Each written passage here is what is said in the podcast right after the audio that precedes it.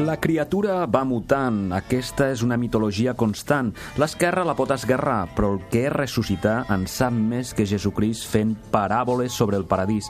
L'esquerra té molt de religió, de fe, de miracles i de líders messiànics que tant reprodueixen pans i peixos, fent de mecànics, comprometen curar malalts amb plans socials xamànics.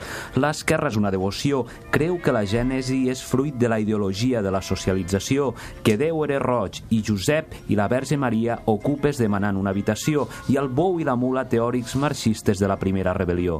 Després, ja ho saben, Jesucrist Che Guevara i des dels primers dies de la creació fins a Bob Esponja, a sota el mar creant una nova socialització, l'esquerra sempre ha estat filla de la resurrecció.